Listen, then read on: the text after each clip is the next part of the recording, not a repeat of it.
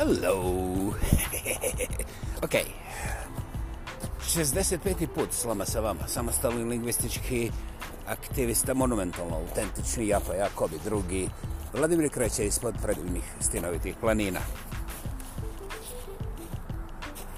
Čitam novine, nevjerovatno. Zamislite, čak se i to dešava meni. Ovako mladom, lijepom, plavom, nepogrešivom i naravno primijetili ste vrlo, vrlo skromnom. I tamo kaže jedan profesor, neš ti meni profesora, razumiš? On odjednom će da bude lingvistički terorista, što sam ja bio originalno, samo mi je ovaj kanadski prijatelj skinuo taj nadimak, to jest kvalifikaciju, pa rekao aktivista, jer kao to je valjda kulturnije. I ovoga, nakon svega toga, ovaj nanjušio jedno kaže, e, sad ću ja da prodajem, doslovce kaže, mojim zagrebačkim studentima isključivo na sprskom jeziku. Eto, i sve novine njega na prvu stranicu. A ja, ja ne mogu ni u novinu. Mislim, ono, da me zamotaju kao stara čarapa i još starije novine. Pa ljudi moji, gdje je nepravda? E sad ću ja fino da se izmičem na vas. I ovaj... Uvo se isponižavam ako treba, mislim, i ostale nasilničke aktivnosti. I ovaj... Iako mi dopustite, da ću to ponavljati češće puta. Mislim, zašto ne? To je ono, moć, nadmoć, ja. aha, aha mislim, a sve pravedno i mislim, pošteno i demokratski.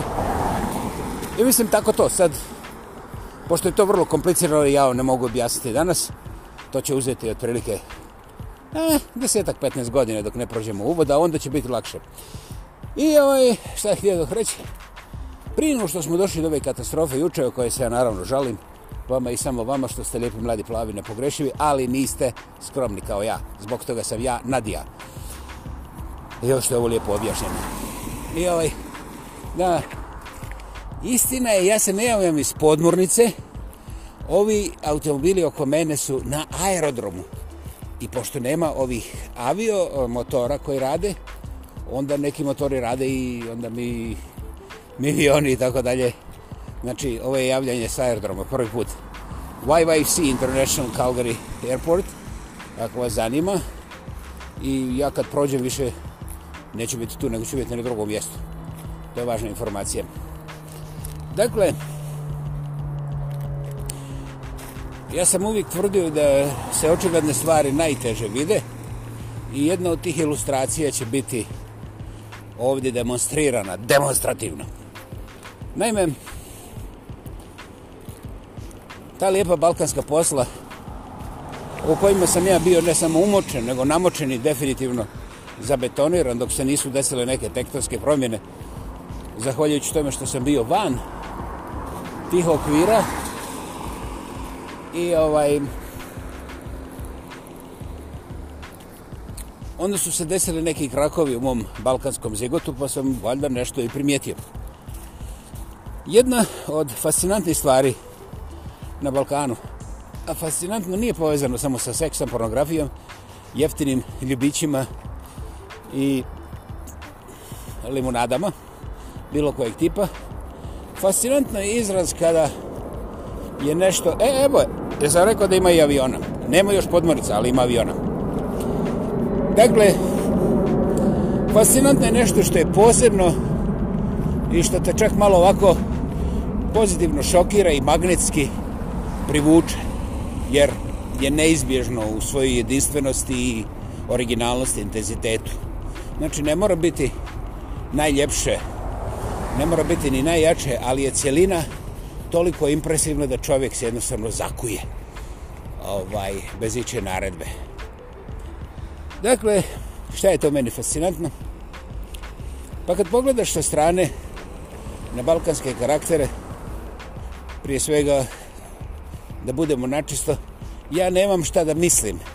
Ja sam apsolutno siguran da da svaki Balkanac ima mozak u apsolutnoj ravnini kada govorimo o kapacitetima mozga, znači kada govorimo o prirodnom stanju toga mozga, onda nema nikakve razlike sa nekakvim englezom, špancom, kinezom, pa čak ni afrikancom.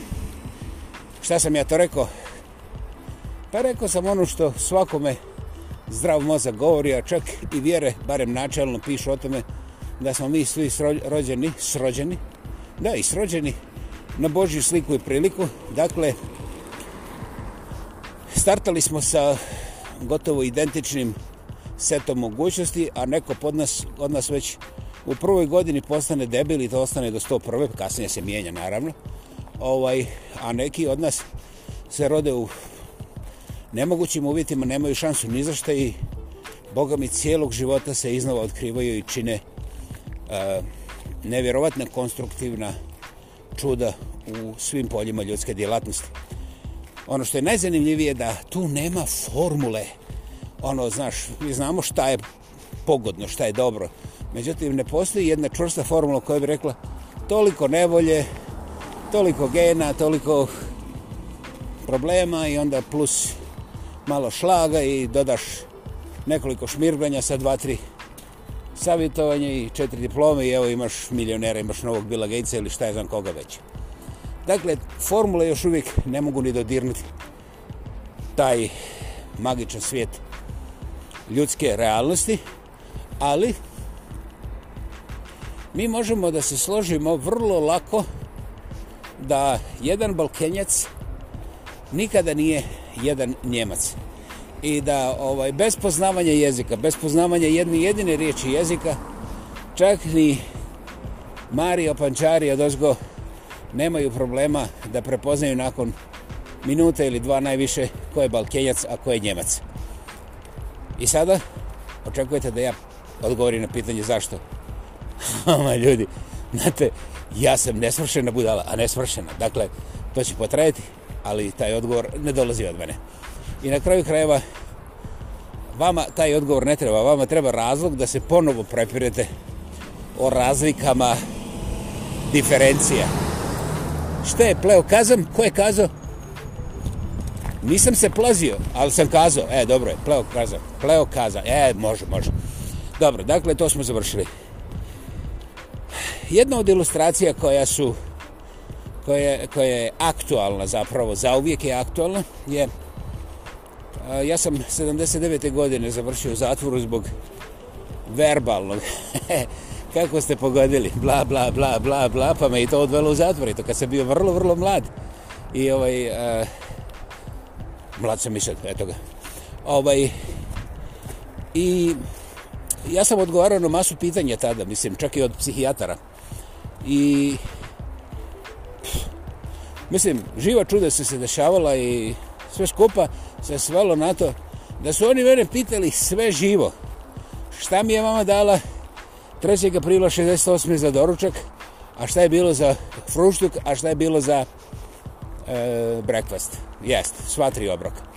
Ovaj, pa su me pitali ovaj, gdje je moja mama nabavila svoje mamino mlijeko. Pa onda, znate, sva ta umna pitanja koja stvarno izbezume i pametnog čovjeka na mene. Ovaj, međutim, Postoje set pitanja koja se nikad nisu pojavila, čak ni u zatvoru, ani poslije zatvora. A to je, pošto kod nas stalno ovaj, ovi svrbovi pecaju Hrvatove da im se osvete, a onda Hrvatovi da očiste Hrvatsku od Srbova i onda, mislim, sve te takve intelektuale radnje. Mislim, cijeli život je crno-bijeli, ali nije partizan. To je bio tuđman. A ovaj, I cijeli moj život se sveo na to ko koga ganja, jer ovi su nas klali, onda oni su nas spalili, onda su ovi radili. Mislim, da se ukakiš od sreće. I ovoga, šta se desi? Ovo nije bio avion, ovo je jedna budala na običnoj korveti. Znaš, da ima pare da kupi pravu korvetu, ne bi nikad tako silovo motor. Naravno, ovo je moje mišljenje, umjetničko uglavnom. I ovaj, Ja sam to cijelog života učio i, i nisam se bavio dubokim razmišljanjem matematikom, ali znam da sam bio dijete kada sam shvatio da mi je ta priča kako su svi Srbi ovakvi, znaš, a, joj, joj, ne samo stomak i, i drugi organi. A onda, kada se nađeš kod gospode Srba, onda svi su ovi Hrvati, Jasenovac i Hrvati, ovaj, tako dalje. Ovaj,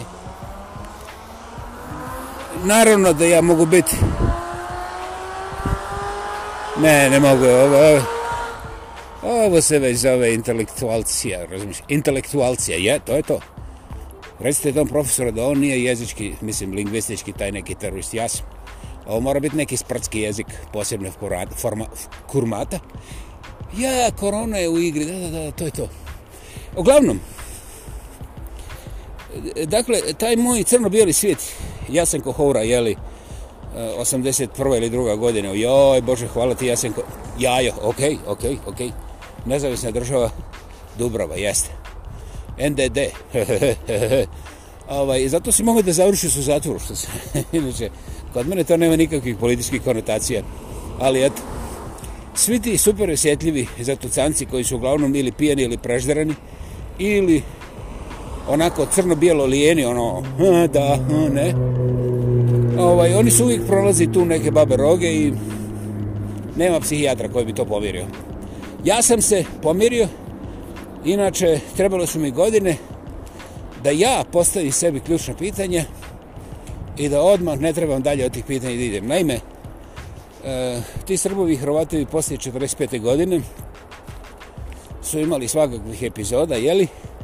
ali uglavnom se nisu masovno klali, mada postoje ljepotani koji znaju sve i s tim se ne slažu jer kažu onaj Ustaša Tito je preklo 15 miliona Hrvata. Mislim, ljudi moji, svako ima pravo na svoje ludile, jel? A, inače, ja da sam vjernik kao vi, ja bi donio 15 od tih 15 miliona pobijenih od gospodine Jospa i ovoga, napravio bi 15 spomenika Hrvata na 15 strane Hrvatske svojim novcem i svojim zubima. Majke mi, molim vas, pokažite mi, ja ću to uraditi, ovaj, ali neću pregovarati. Ovo je vrlo jednostavno rečeno, znači ne treba vam enciklopedija da razumijete. Uglavnom, apetit da jedni drugima dođu do, do vrata grkljene i da to kolju, pale i tako dalje, ne fali ni s jedne i s druge strane. A šta, nisam primijetio kao te normalne Srbove i Hrvatove. Znaš šta, više neću da ih primitim. Oni su korvini sinovi koji šute i dozvoljavaju ovim pilim i krvožednim budalama da rade sve što hoće. I uglavnom kada pogledaš u zadnjih 100 godina, ovi takozvani tihi, fini i tako dalje, oni su krivi jer su financirali sve te krvave orgije koje su apsolutno besmislene, apsolutno antikristne i apsolutno kontra svakog uruženja, čak ovoga društvenog uruženja.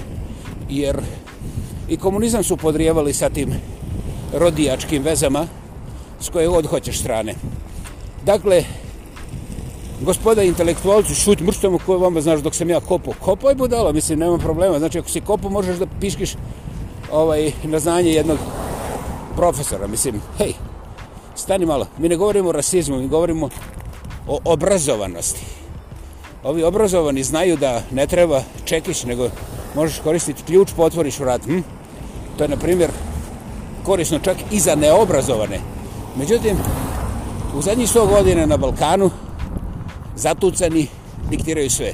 Među zatucanima vode najviše ovi sa diplomom da su kao završili neki fakultet što nema veze sa obrazovanjem i to ne zbog toga što je to bilo komunističko. Čak i kad u vani, oni znaju da je glavna stvar fetiš, a fetiš je diploma. Drmr, gr, fr, fr, ovoga ili onoga i šta god on kaže, to je istina. A posebno istina zato što je naš. Ako je njihov, taj hoće da nam smesti.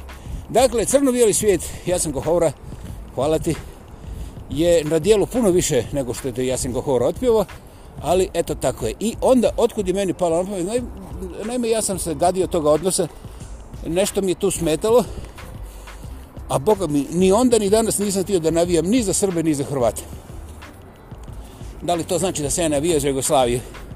Znate šta, Jugoslavija kako stoji na papirima, zapisano je fantastična ideja i ja mogu zaključiti da je nažalost ideja i da pojma nemam kako je živjela čak i 15 minuta, a ne tih nekih pustih godina za koje ja, ne, koje ja nikako ne mogu objasniti sa ovakvim um, neljudskim materijalom unutar sebe. Mislim, ono, ovaj, eh, to je bio kancer do kancera u nečemu što je bilo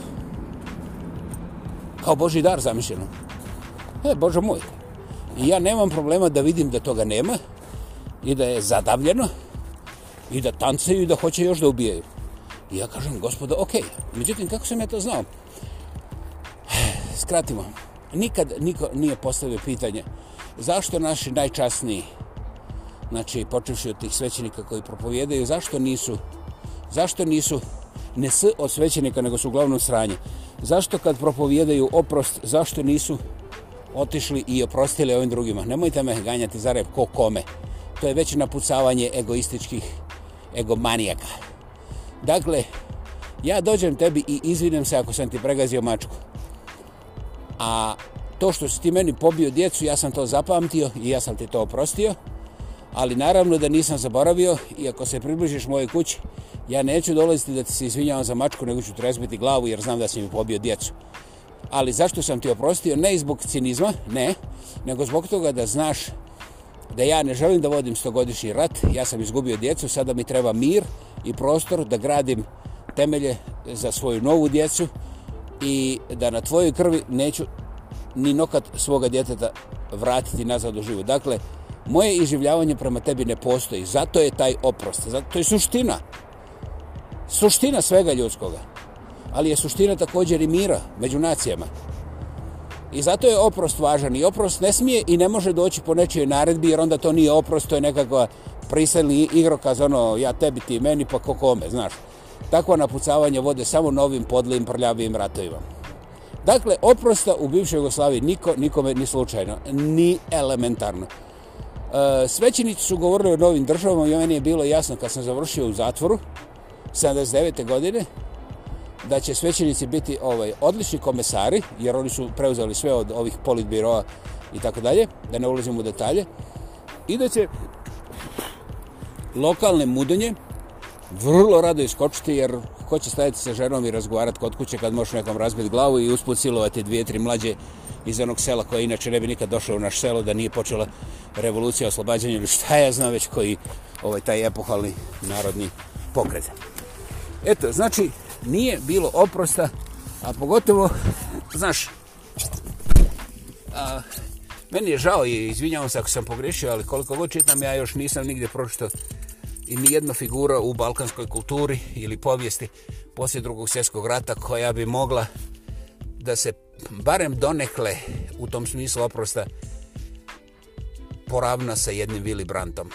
Naravno, neću objašnjavati, ali ovaj, prije nego što se podignete na obe zadnje, ovaj, eh, razmislite dobro o tom što sam ja rekao, jer da je postojao taj Willy Brandt na Balkanu, onda bi ne bi, mi ne bi imali ka, k, klanje, palenje, i silovanje i pljačkanje u ime demokracije. Serem se na takvu demokraciju, kao što vidite, jeftinija je odgovana, a vi ste umeđu vremenu postali roblji i otišli ste u feudalizam, jer ste prezaduženi generacijama.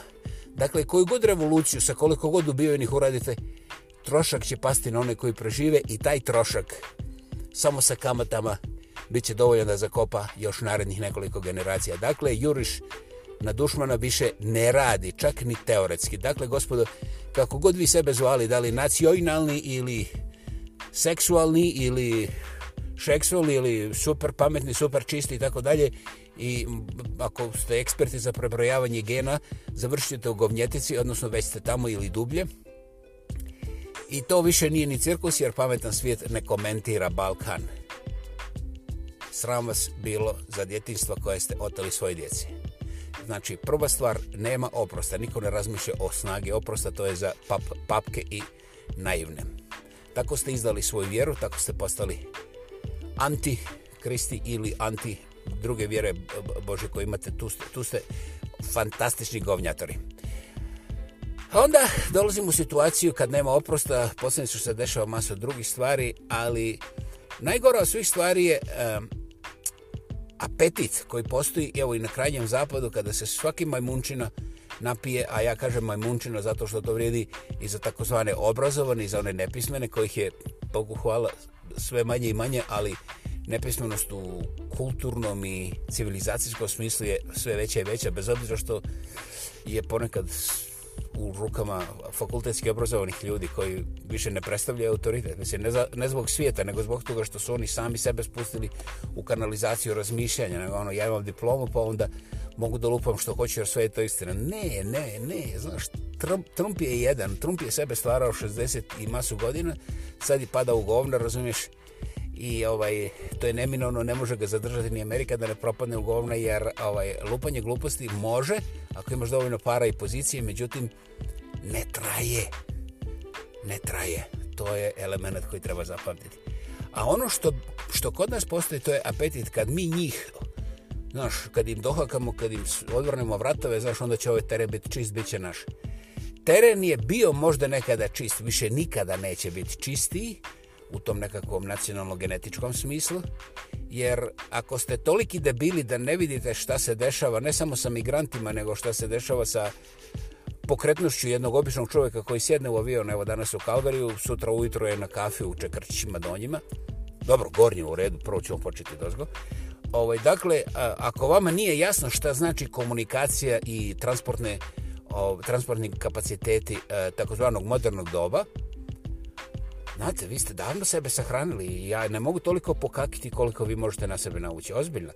Dakle, prva i ključna stvar, čistoća o kojoj vi zamišljate da će se vaše kćeri udavati isključivo samo za vaše susjedne sa određenim brojem nekih uh, genetičkih... A, dobro. Da, genetičkih, nije ginekoloških ovih tih tačkica u krvi, lijevo, desno. To zaboravite. I druga stvar, te vaše kćeri nisu ženke.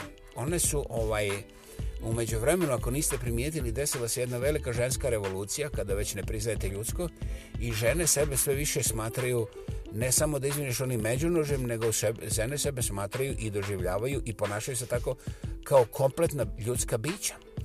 A, to znači da ne dozvoljavaju da ih neko tumači samo kao objekt. On kaže, idi, ako ti treba nešto, znaš, onda sebi kupi onu lutku za napumpavanje, ima i kompiteriziranih, i makni se od mene, ja nisam organ, ja sam osoba, ja sam organizam ne orgazam, organizam. I onda se ljači na blej, znaš, i onda i tako dalje, sad to je već pornografija. Dakle, a, mi još uvijek vjerujemo kad dođe situacija, kad padne mrak, mi ćemo i vjerovat mater, otkrinit ćemo je vratove, znaš, i ono što nismo pobili, to će sve pristati da bude kao mi i onda će vladati mir vječni i sve će biti u redu. Gospodo,